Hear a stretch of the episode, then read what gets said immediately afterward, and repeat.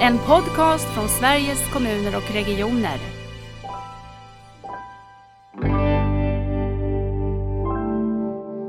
Det blir svårt att behålla arbeten även om man skulle vilja. Eh, och kanske svårare att få tillgång till vård i många fall också när man blir äldre. Det är klart att det inte är enkelt att starta nya verksamheter som har eh, andra visioner kanske än vad vi har haft tidigare. Idag ska vi få veta mer om hur man kan arbeta med psykisk hälsa hos äldre personer på ett nära och tillgängligt sätt. Jag har med mig Jonny Pellas från Västmanland eh, som är psykolog och forskare inom äldrepsykiatri med fokus på depression hos äldre. Men innan vi kommer in på den viktiga frågan hur vi kan bli bättre på att identifiera, diagnostisera och behandla äldre personer med depression så vill jag hälsa dig välkommen Jonny och så att du får berätta lite mer om dig själv. Välkommen!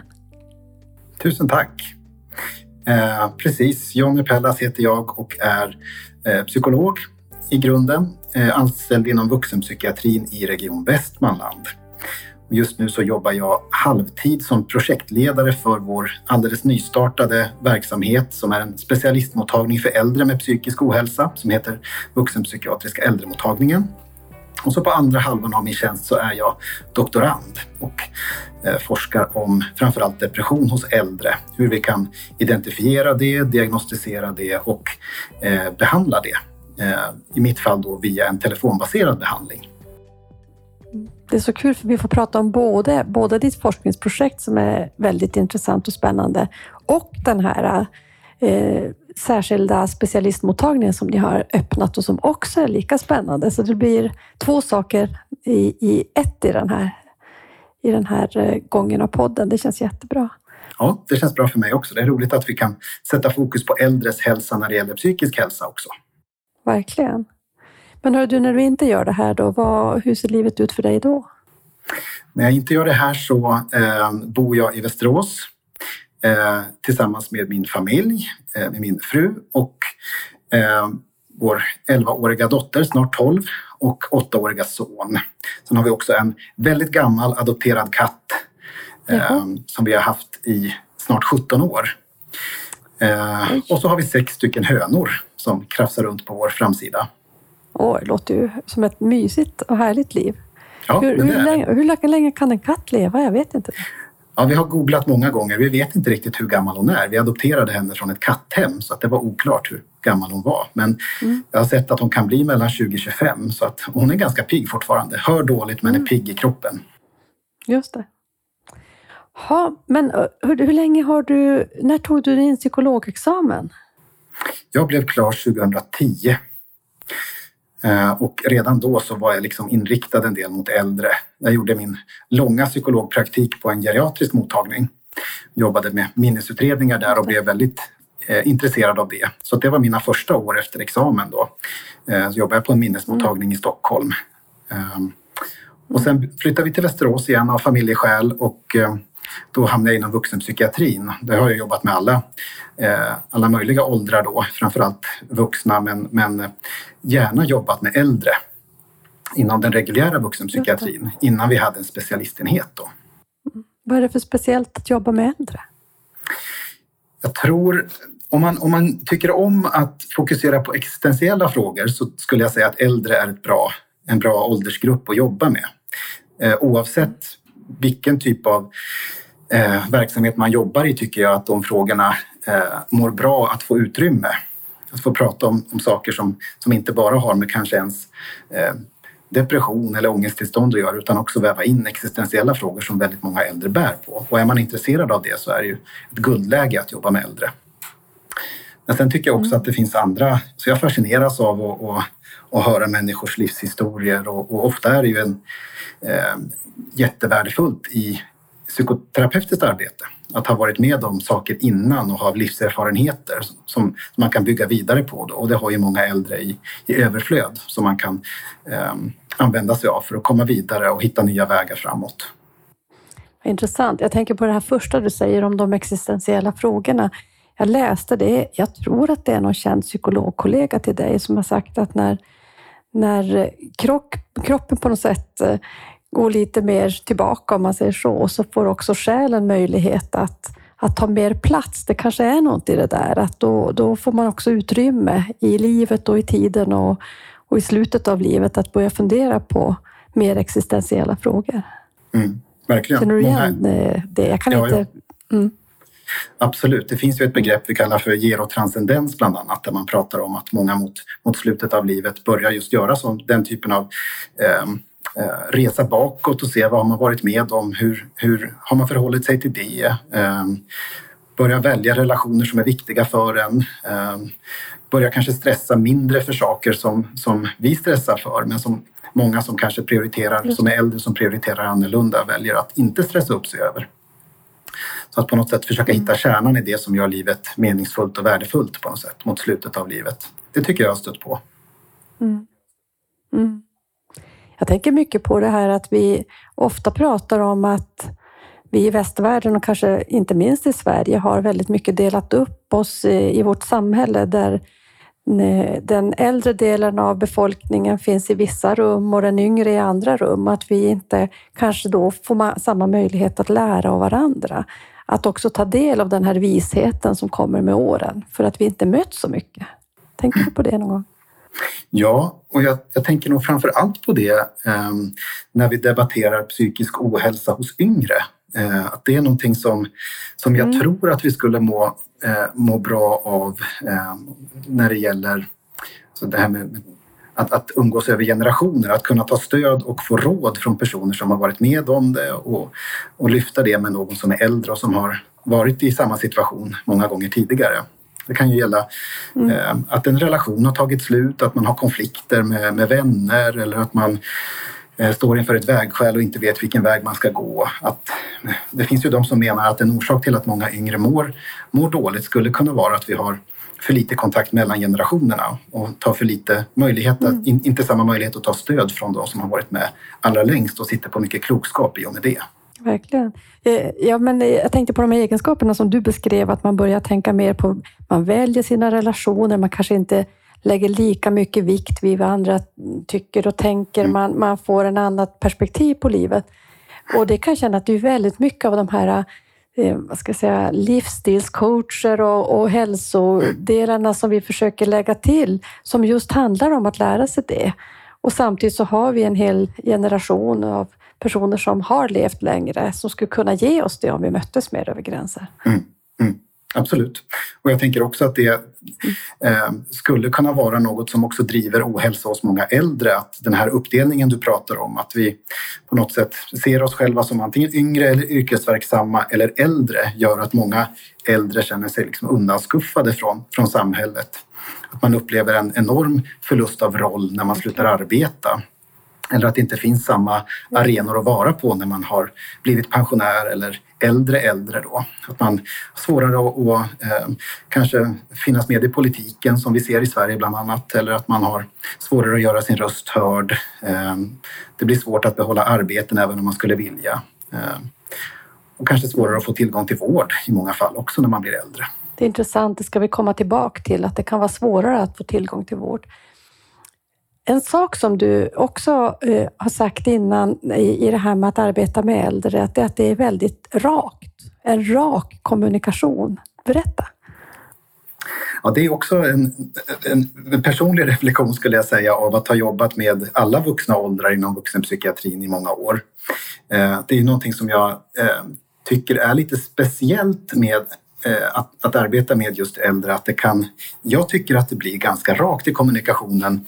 Eh, om, eh, om man till exempel tycker att eh, det jag föreslår i psykoterapin verkar konstigt eller att det är någonting man absolut inte tycker att man vill göra eller att jag har missförstått eller något så, så, så, så är det många som är rätt öppna med det eh, och rakt på och, och kommer med den synpunkten utan att bry sig så mycket om vad jag tycker.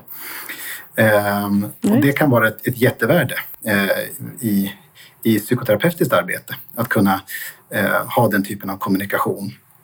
Eh, men också andra saker som jag, som jag tycker eh, att jag möter hos fler äldre än hos yngre är ju att till exempel boka av tider i tid. Eh, komma på de avsatta mm. tider man har. Eh, kommunicera om man inte kan komma och, och boka av och så. Eh, det tycker jag också det, det är vanligare skulle jag säga hos, hos äldre än hos yngre. Mm. Ja, det är intressanta reflektioner. Det hade man gärna eh, kunnat prata länge om det här, vad det gör vid olika åldrar och vad vi på något sätt har för olika skeden i livet. Men om jag skulle börja med att eh, höra vad din, din eh, erfarenhet och relation till omställningen till nära vård, hur ser den ut? Ja, det här eh, projektet som jag är projektledare för, då vuxenpsykiatriska äldremottagningen, eh, är en, eh, ett projekt inom vår nära vårdorganisation. Eh, så att det drivs av nära vårdmedel i ett par år framåt. Då. Så det är ju direkt kopplat där och jag är en av nära vårds projektledare vid sidan av flera andra nära vårdprojekt. Då.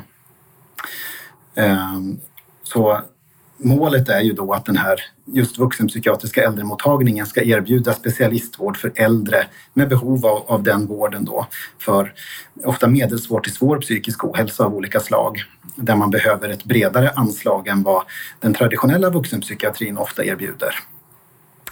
Eh, så i den bemärkelsen är ju, är ju nära vård-tänket väldigt eh, bra att applicera då när man tänker till exempel samverkan där vår äldremottagning då, vuxenpsykiatrisk äldremottagning eh, uppstod i samverkan mellan vuxenpsykiatrin, geriatriken och primärvården och med eh, länets kommuner med på tåget och med flera brukarföreningar då för att vi ska försöka att eh, ta ett grepp om hela den här gruppens eh, ohälsa, inte bara det psykiatriska.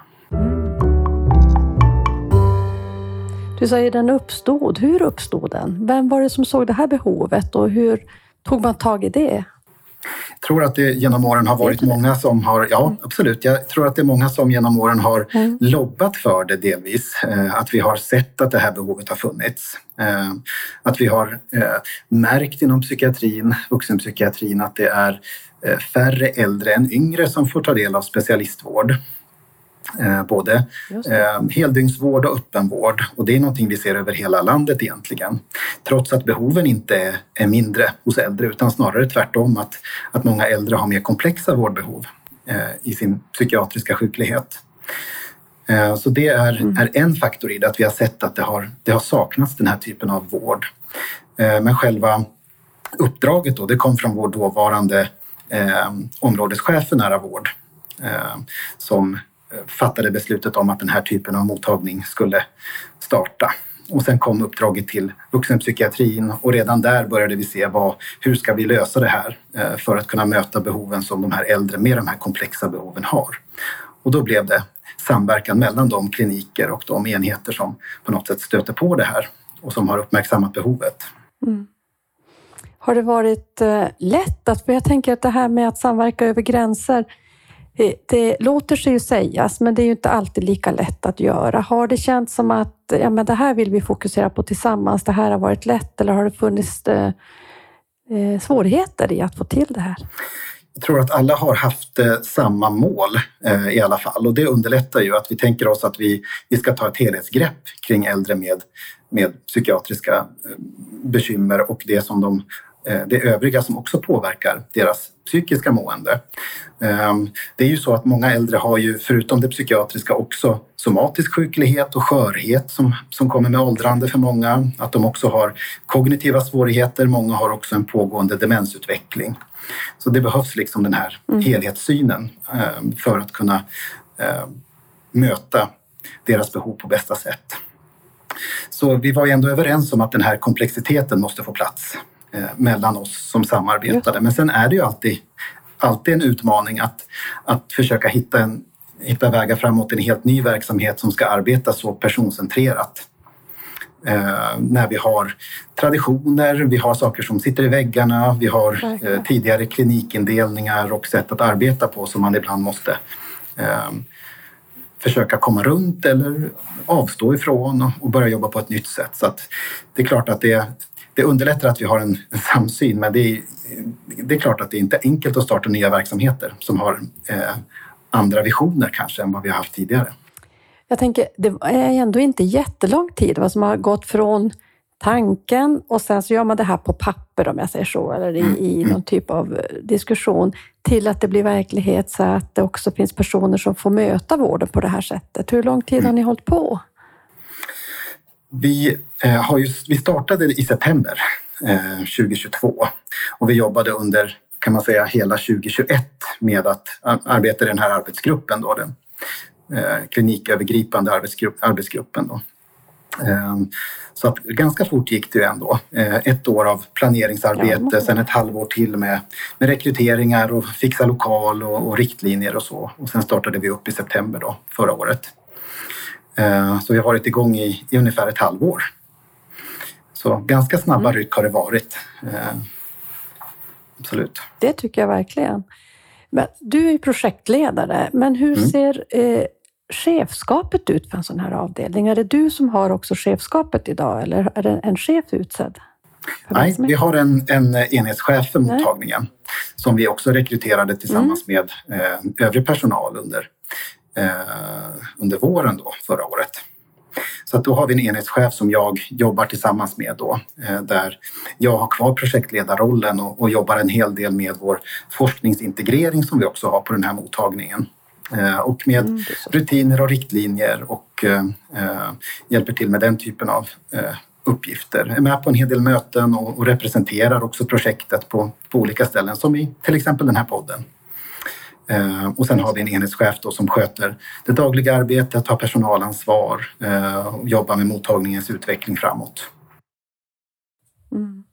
För det jag tycker lite också blir spännande när man gör en sån här sak som integrerar många olika verksamheter, det är ju att det finns en chef för den här mottagningen, men, men hon behöver ju också i sin tur ha förtroende för alla de här olika verksamheterna som mm. finns i andra stuprör, om vi skulle kalla det i vår organisation eller er organisation, för att få ihop det.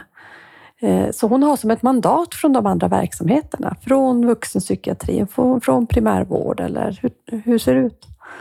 Ja, precis i vår eh, det blir lite projektledarlingo här, men, men det här projektet har ju också en styrgrupp då, som, som har varit ytterst ansvarig och i den så, så satt chefen för eh, verksamhetschefen för eh, vuxenpsykiatrin då och så hade vi också chefen för vårdvalet och primärvården eh, och chefen för geriatriken. Så därifrån finns mandatet redan från start att de här verksamheterna eh, är en del av, av arbetet på den här mottagningen. Så att därifrån finns det ju mm. ett, ett, centralt mandat för, för chefen förstås. Ehm, så är det. Hur jobb, ni har ju en väldigt stor del av er primärvård i, i privat utförande. Ni är ju mm. en av de delar i Sverige som har det största privata utförandet. Är de också involverade i det här? Mm, precis, Vårdvalets chef var med i referensgruppen och det gjorde ju då att vi fick med både eh, privata och eh, regiondrivna vårdcentraler. Mm. Eh, det låter så bra gjort också på så kort tid. Jag tänker, om du skulle beskriva en äldre persons kontakt, hur kommer man i kontakt med, med er och vad händer när man kommer till er? Vad får man hjälp med? Hur kan det se ut? Det är säkert mm. det är ju såklart individuellt personcentrerat, men om du skulle ta en, en ganska normal person som får mm. hjälp hos er? Precis, de kan komma eh, antingen via en remiss utifrån och då är det oftast från Eh, primärvården som remissen kommer. Kan vara från somatiska sjukhuskliniker också, men oftast primärvården. Eller så kommer de på remiss internt inom psykiatrin till oss då att det är eh, personer som är 65 år eller äldre som har en kontakt på någon annan psykiatrisk mottagning men där man bedömer att det behövs ett äldrepsykiatriskt omhändertagande. Alltså att man förutom det psykiatriska också mm. har kompetens om eh, somatiska sjukdomar eh, i större utsträckning och kognitiva sjukdomar, demens. Eller så kommer man på egen vårdbegäran. Det är också möjligt då, att söka sig hit då, med egen remiss. Så någon av de vägarna in har vi. Eh, och när man kommer då, eller när man kommer på remiss och vi accepterar den remissen så får man först en kontakt med ehm, eh, den personen som blir en fast vårdkontakt. Så den, den, får man från start då. I vårt fall är det nästan alltid en specialistsjuksköterska då som tar kontakt med patienten, ofta med anhöriga eh, och avgör vilken typ av besök behöver den här patienten. Ska vi göra ett eh, vanligt mottagningsbesök eller ska det vara ett hembesök eller ska vi ha ett digitalt vårdmöte? Så den sjuksköterskan då blir fast vårdkontakt och har den första koordinerande rollen i det. Sen kommer man till oss på en, de allra flesta kommer på en, eh, en ganska stor basutredning. Man får träffa en eh, läkare som tittar på det psykiatriska och tittar på en hel del av det somatiska. Man får träffa en av våra psykologer som gör en eh, bred psykiatrisk intervju strukturerat eh, och en psykologisk bedömning, framförallt en kognitiv bedömning där man tittar på eh, till exempel minnesfunktioner och uppmärksamhetsfunktioner för att se om det också finns en kognitiv nedsättning. Och så får många patienter, de allra flesta, också en läkemedelsgenomgång av vår kliniska apotekare. Och när den basbedömningen är gjord så, så har vi en konferens och diskuterar i vårt team då och ser om vi behöver bygga på den med fler professioner. Det kan ju vara eh, viktigt i vissa fall att ta in en socionom, kurator för att titta på den sociala biten eller på ekonomi. Att vi gör en arbetsterapeutisk bedömning kan vi också göra eller en fysioterapeutisk bedömning då. Eh, och Eh, när vi känner oss nöjda och, och, kan göra en vårdplan då så, så gör vi det tillsammans med patient, ofta med anhöriga och, och startar behandling. Då. Så vi har en ganska tung eh, bedömnings och utredningsfas om man jämför med hur det brukar se ut inom psykiatrin. Men, men min tro är ändå att vi, vi tjänar på det i längden, att vi får eh, bättre koll på flera diagnoser, vi får bättre koll på kroppsliga sjukdomar, på, på läkemedelsbiten och biverkningar Eh, vi kan hitta eventuella kognitiva nedsättningar och demenssjukdomar och så kan vi jobba liksom parallellt med att behandla det vi behöver behandla samtidigt. Mm. Ja, det låter ju verkligen som att få in så många av eh, nyckelingredienserna i nära vård. Det här teambaserade, det personcentrerade, men också konkret som fast vårdkontakt, en individuell plan som man gör tillsammans eh, med den enskilde och dess närstående. Det är precis de komponenterna och så sa du att ni har också eh, en del forskning på det här samtidigt, eller? Precis, vi har eh, genom vår forskargruppsledare då, som heter Mattias Damberg som är eh, docent vid Uppsala universitet och min huvudhandledare. Han är forskargruppsledare och ansvarig för ett integrerat forskningsprojekt som vi driver på äldremottagningen. Så när man blir patient och, och kommer till oss så blir man också tillfrågad om att delta i det projektet. Eh, och det är ett, ett, ganska stort projekt där man får inte göra kanske så mycket utöver det man gör i den här basutredningen. Men tack vare att den är så pass bred så, så blir det en hel del datainsamling som vi kan använda för att utveckla vården vidare. Så att vi har en del i projektet som handlar om eh, diagnostik där vi försöker att förbättra våra diagnostiska instrument. Bland annat så har vi en eh, skattning på iPad som vi håller på att utveckla nu för anpassad då för äldre mm. med kognitiva nedsättningar och psykiatriska sjukdomar eh, som man kan använda som stöd i diagnostiken. Eh, och sen har vi också ett projekt som handlar om levnadsvanor i den här gruppen eh, och en del som handlar om att försöka förstå den här gruppen bättre. Då. Vilka diagnoser är det vi stöter på? Vilken samsjuklighet har man? Vilken typ av funktionsnedsättningar har man? Så det är ett, ett patientnära forskningsprojekt då, Ehm, som mm. vi kommer att driva i ett antal år framåt. Är det så att eh, den här forskningen är finansierad av forskningsmedel från regionen eller hur ser finansieringen ut? Just nu då så är det ju inom ramen för eh, framförallt min tjänst och för forskargruppsledarens tjänst som vi driver det. Men i och med att vi har integrerat det i eh, det kliniska dagliga arbetet så är, så är det inte så mycket datainsamling utöver. Eh, så att vi har inte behövt några eh, stora forskningsmedel för att täcka insamlingskostnader till exempel, utan vi samlar det som är en del av klinisk rutin, lägger till den här skattningen på iPad då. Så att vi inte behövt någon extra personal, utan personalen som är på mottagningen Eh, är också utbildade i projektet så att de kan vara med som eh, delaktiga eh, i datainsamlingen. Då. Och sen har vi också haft en hel del stöd av en en psykolog som, som har gjort sin PTP-tjänst som har varit med som en del under sitt, sitt år då inför legitimation där han har gjort en del eh, forskningsarbete inom ramen för den tjänsten då, som eh, också är en del av tjänsten så att säga. Så att vi har inte behövt någon extra finansiering utöver det. Det låter så enkelt. Eh, tänk om vi kunde göra mycket mer så i mycket av de arbeten vi drar igång. Att vi också ser att när vi ändå gör det här så sätter vi till forskarögonen på något sätt på det vi gör mm. så att vi får en robust uppföljning och kan titta på saker över tid. Det är ju verkligen mm. bra.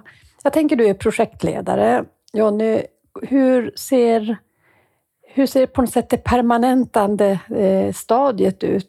Hur, hur utvärderas det och kommer ni sen att kunna känna dig trygg med att det här är någonting som består? Eller hur har man tänkt från mm. regionens sida? Precis, vi körde ju eh, i projektform då för att kunna starta upp någonting helt nytt och med, med lite nya ögon och med eh, ett nytt sätt att arbeta. Eh, och det gjorde också att vi kunde tillsätta de här tjänsterna då eh, utan att behöva ta från andra håll. Då. Eh, ofta är det det som är svårt när man ska starta någonting nytt, att man kanske då behöver gå in och ta resurser på annat håll och det kan vara svårt då, att genomföra av den anledningen. Men här då så eh, har vi finansiering i projektform i två år och eh, eh utvärdera utvärderar det nu efter ett år och då kommer vi titta på dels om vi på något sätt har eh, ökat på andelen äldre eh, inom specialistvården. Också titta på vilken typ av vårdinsatser erbjuder vi. Eh, vi såg innan projektet att eh, det var väldigt ovanligt att äldre med psykisk ohälsa inom psykiatrin fick annat än läkemedel och det hoppas vi att vi har ändrat en del att kunna erbjuda även andra insatser som psykologisk behandling, arbetsterapi eller fysioterapi. Ehm, och sen kommer vi också titta på ehm, hur kommunerna tänker kring de patienter vi har haft gemensamt. Då. Upplever de att de har fått ett bättre stöd så att det blir en mer kvalitativ del där vi kan se eh, hur har det fungerat när vi har samverkat kring, kring konkreta patientfall då, om vi har gjort det. Upplever de att det har varit mm. lättare på något sätt än hur det har varit tidigare? Och sen är förhoppningen eh, på sikt då och planen att det här ska in i den ordinarie budgeten inom vuxenpsykiatrin. Och det finns det också en plan för då.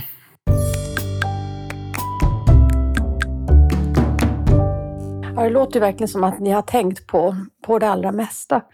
Eh, jag funderar lite grann på det här med kommunernas roll. Och mm. Jag tänker om jag är äldre och bor till exempel på ett särskilt boende för du sa i början där att vi vet också att äldre personer kanske inte får tillgång till behandling på samma sätt som eh, om man är i en annan ålder. Och du sa nu det här med att man mest får läkemedelsbehandling och inte till exempel en terapibehandling. Mm, kan man också få det här om man bor i ett särskilt boende? Eller? Ja, absolut. Är det så att man har eh, behov på specialistnivå eh, så, så kan man ju också finnas på ett särskilt boende till exempel. Eh, och då är det ju samma vårdutbud och med möjligheten till till exempel mobila insatser som vi ser att många av dem vi hjälper på särskilt boende får då.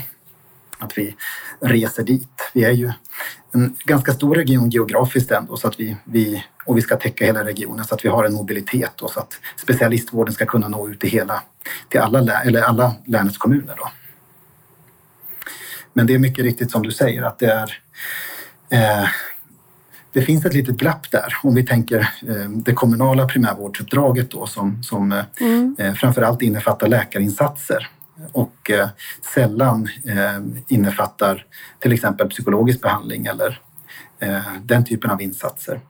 Men är det på specialistnivå så, så är det en annan fråga. Då kan ju vi gå in och hjälpa till. Men, men det där ser jag som ett stort utvecklingsfält inom primärvården, den kommunala primärvården, att också kunna erbjuda psykologisk behandling i mycket större utsträckning till äldre på SÄBO. Mm.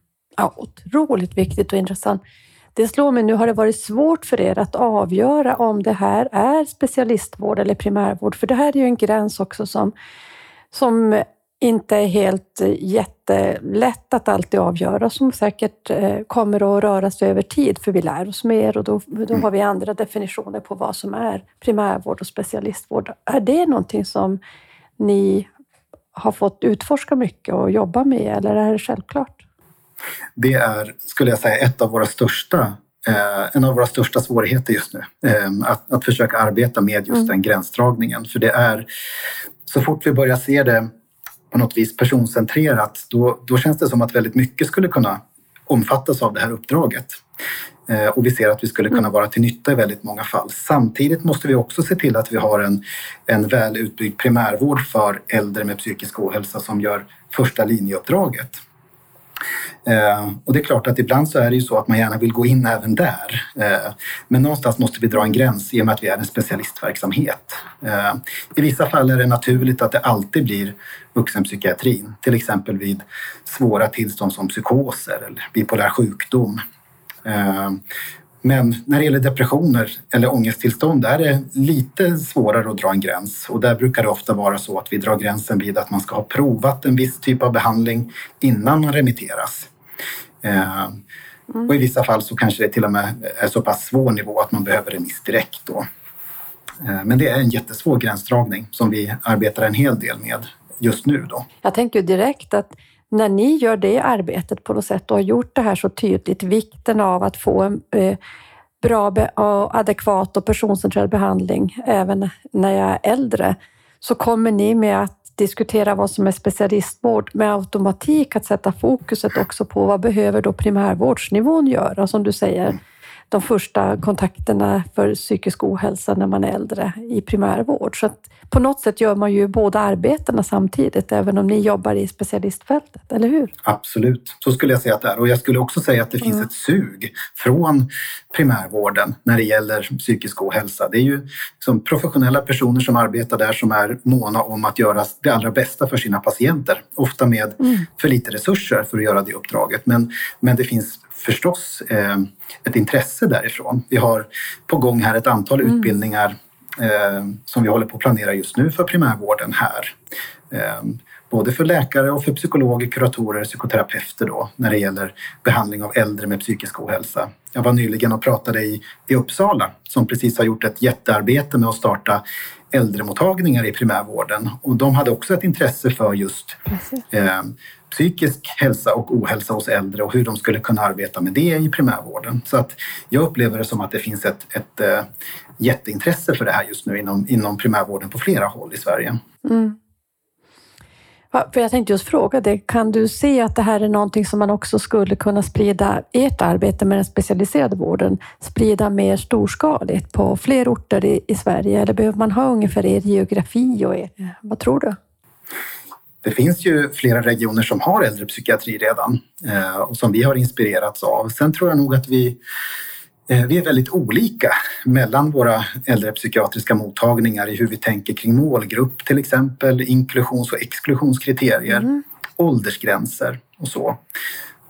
Och där har ju vi från början eh, lagt upp det här i samverkan med andra eh, instanser som geriatriken och, och primärvården, vårdvalet då. Eh, så att vi har gjort som en Västmanlandsvariant av det då och med kommunerna. Så att vi har lagt upp det efter vårt, vår region och de behoven som finns här och de förutsättningar vi har. Men jag tror absolut att, att tankesättet, en personcentrerad vård för äldre med psykisk ohälsa där man tar in både psykiatri och somatik, eh, kognitiva nedsättningar, mm.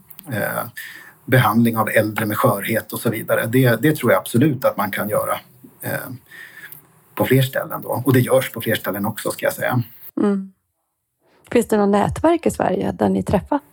Nej, inte vad jag vet. Inte. Vår, vår enhetschef håller Nej. på och, och möjligen etablerar ett sånt med några kollegor. Så. Ehm, men inget, inget nätverk som jag känner till som är liksom formellt så.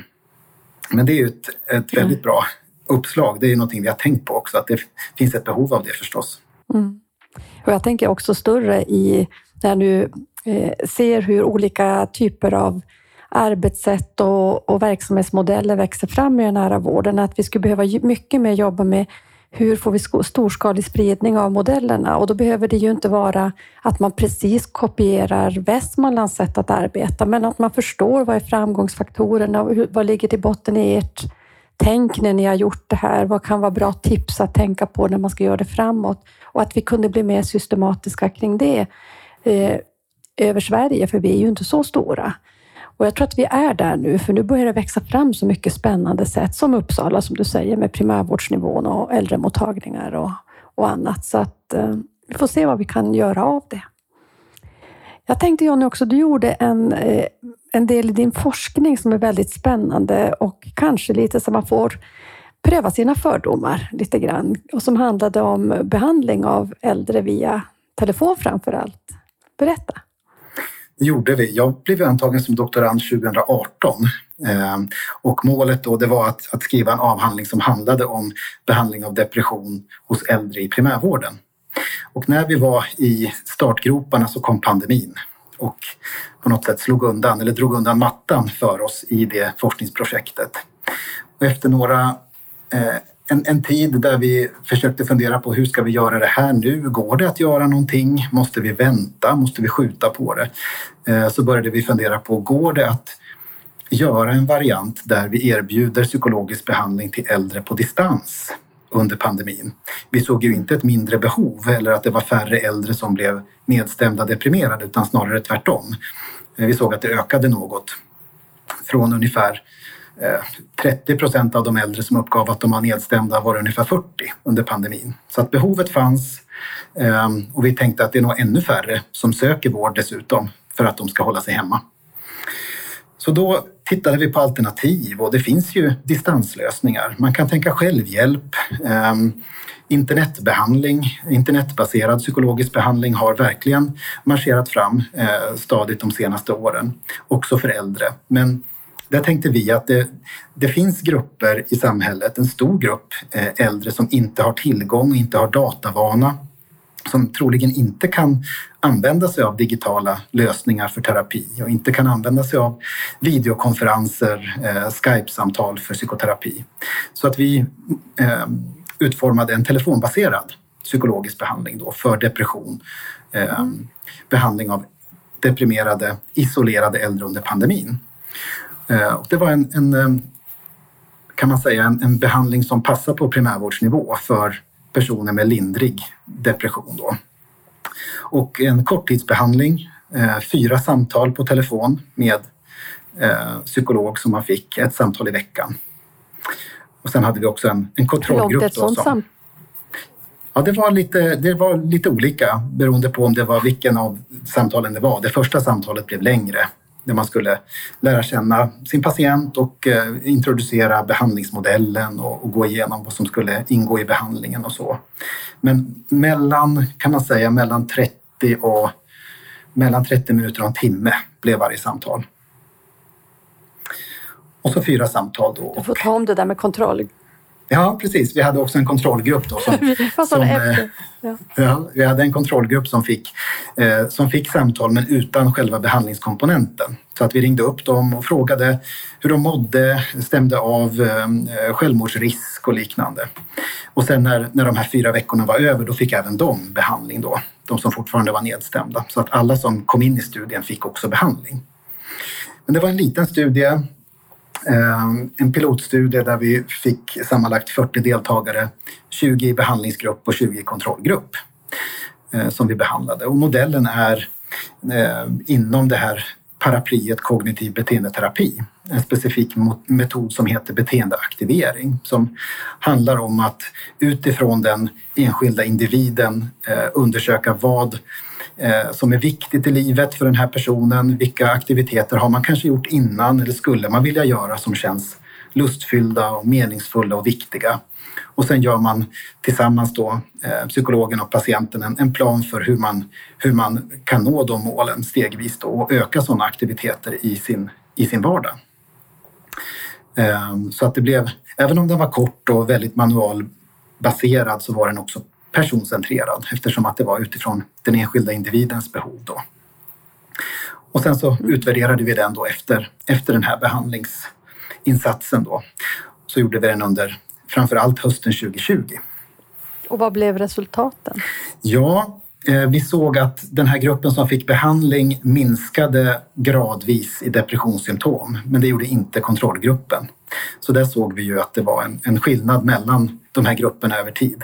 Man får ju ta med i beräkningen att det är få deltagare så att det är inte robusta resultat mm. på det sättet som en större studie skulle ge men ändå tydliga resultat utifrån att det var så pass stor skillnad mellan grupperna. Och vi såg också att eh, Eh, de allra flesta i den här gruppen som fick behandling hade eh, uppfyllde kriterier för en klinisk depressionsdiagnos innan behandling men de allra flesta blev av med den efter behandling. Eh, och det var en positiv överraskning. Vi hade som hypotes att man skulle få lägre depressionssymptom men hade kanske inte trott att det skulle spela så stor roll för, för depressionsdiagnosen. Det brukar ta lite längre tid. Men även där såg vi en, en skillnad då. Framför allt att man fick bättre funktionsnivå i vardagen. Eh, som ofta är det som avgör diagnos eller inte. Vi gjorde också en del uppföljande mätningar där vi såg att de här resultaten stod sig efter en månads uppföljning och tre månaders uppföljningen och för de allra flesta också efter sex månader. Då.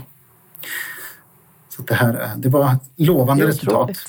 Ja, verkligen. Och det var verkligen apropå det du introducerade med det här med fördomar. Eh, så många ja. tänker att, att äldre, att effekten av psykoterapi inte är lika stor hos äldre. Finns det tidigare studier på mm. som säger att det finns en lika god effekt hos äldre som hos yngre. Det såg vi också här. Vi såg också att det funkade med den här korttidsvarianten, att det gav bra effekt på distans över telefon. Um, och att många av dem som, som kom in i studien också var positivt inställda till psykologisk behandling. Också en myt som många har att äldre inte skulle vilja ha det. Men det, det ser vi både från tidigare forskning och från vår studie att många, många gärna skulle vilja ha om de erbjuds det. Mm. Får man fråga en forskare så här, vad är din analys när du ser de här resultaten? Vad, vad tänker du? Är det mest att ja, men våra fördomar får vi nu lägga åt sidan eller ser du andra saker? Varför var det så bra med telefonen där? Jag eh, har också tänkt på det och frågan är ju om det skulle ha blivit ännu bättre resultat om man hade sett varandra. Det vet vi ju inte. Vi hade ju inte den, den delen i det hela, men det, det är något vi funderar på till framtiden. Går det att maximera effekten om vi också kanske ses fysiskt första gången och sen har det på telefon? Men jag tror att många, många av dem vi pratade med eh, var vana att använda telefonen för rätt förtroliga samtal och för längre samtal. Eh, och det kanske är en generationsfråga mm. också. Att, eh, att många av dem vi pratade med var vana att prata i telefon under längre stunder med, med vänner och anhöriga och så. Och var inte främmande för att, att prata om väldigt djupa saker på telefon med en, en professionell. Så där kanske det till och med är lättare att, att få in telefonbehandlingsvarianten hos äldre jämfört med yngre. Det är i alla fall en tanke som jag fick i det här. Mm. Är det någonting som fortsätter att tillämpas eh, i klinisk vardag? Det är många som har frågat om materialet. Vi har ju, det här är ju forskning som vi gör eh, i det öppna och där vi har material som vi har fått översätta från USA bland annat som har tagits fram statligt där. Så att allt material är gratis. Så det är många som har vänt sig till, till oss och vill ha materialet. Eh, så det, jag vet att det finns och att det används på flera håll, då, eh, just det här behandlingsmaterialet.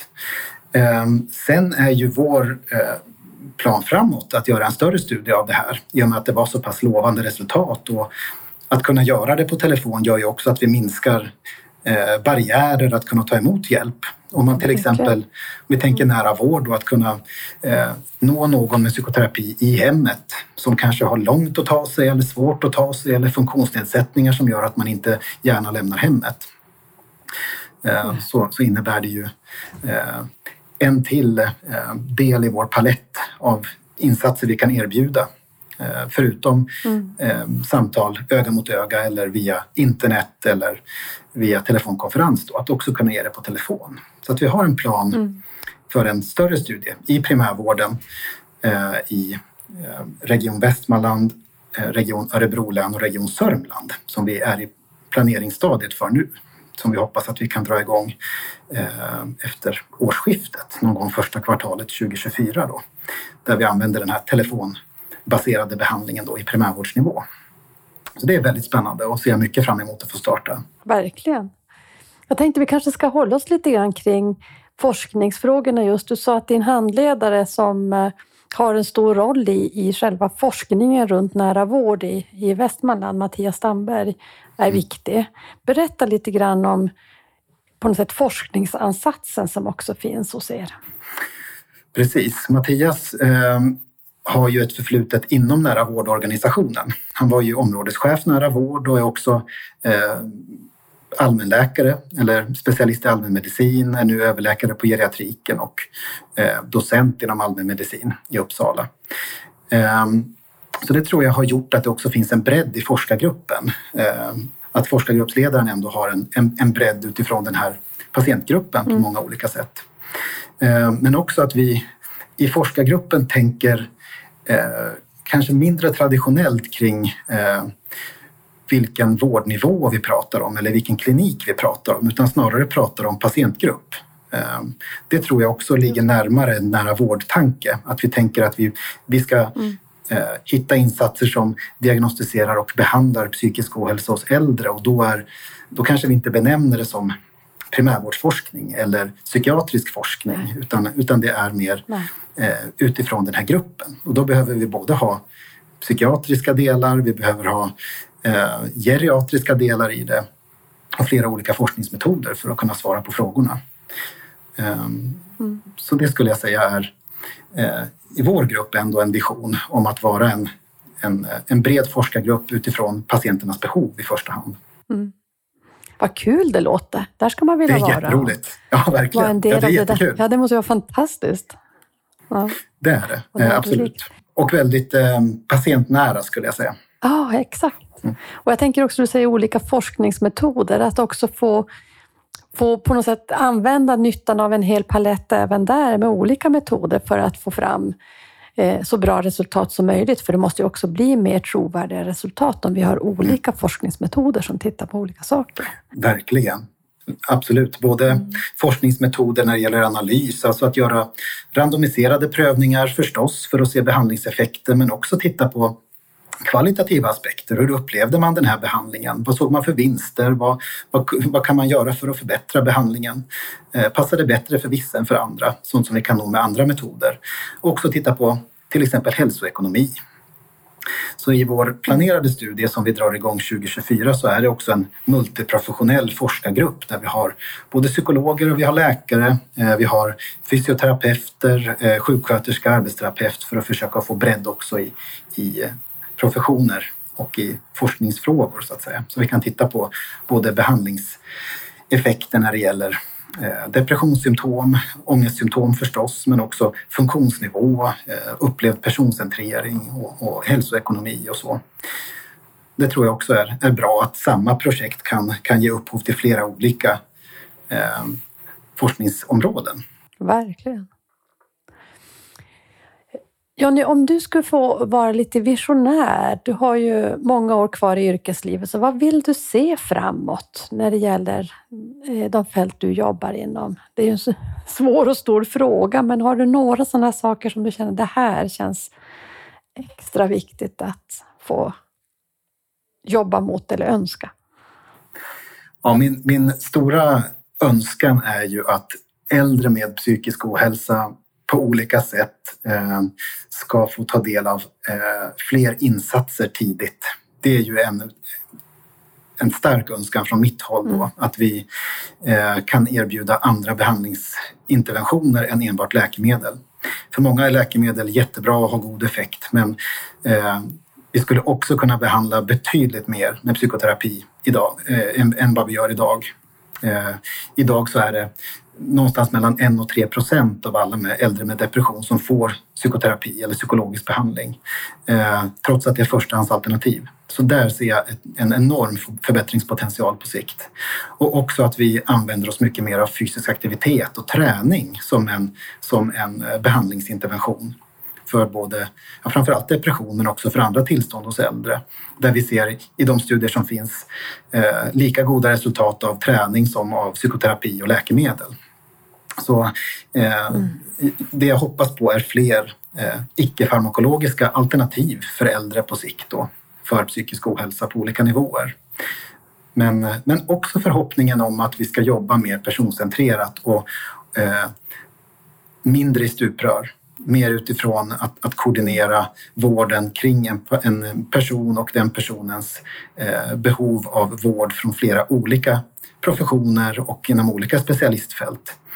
Eh, gärna samtidigt så att det inte blir eh, stuprörsvarianter av, av vården eller att man måste ha gjort en sak för att komma till en annan typ av vård utan att vi jobbar mycket mer kring, kring att försöka ta ett helhetsgrepp. Det hoppas jag också på att vi, att vi får mer av i framtiden. Mm. Ja, jag skulle kunna skriva under på, på allt det du säger. Eh, jag tänker vi ska börja avrunda, men är det någonting som, det här vill jag prata om, det här vill jag berätta om som vi inte har varit inne på? Inte som jag kan komma på på rak arm. Jag tycker vi har varit inne på jättemycket spännande områden, både eh, om äldre i stort men också om våra verksamheter som jag har fått möjligheten att berätta om. Mm. Ja, det tycker jag också. Jag tänker att vi slutar med frågan om eh, vad nära är för dig. Mm. Vad är nära? vad är nära? Dels tänker jag att det är eh, tillgängligt. Att jag får något, till exempel om vi pratar vård, att få vård där jag kan ta emot den på bästa sätt. Det, det är delvis nära. Mm. Men också relation. Jag tänker att nära kan vara relation till någon. En, en patient och en vårdgivare. En, eh, två personer som lär känna varandra. Eh, till exempel. Att bygga en relation och bygga kontinuitet kan också vara nära. Eh, att veta att någon person vet saker om mig och eh, inte börja på ruta ett varje gång utan där man bygger en, en relation över tid. Det är också nära på något sätt. Eh, så både tillgänglighet, relation och kontinuitet på något sätt blir nära för mig. Stort tack för att du var med i Nära vårdpodden. Stort tack för att jag fick vara med.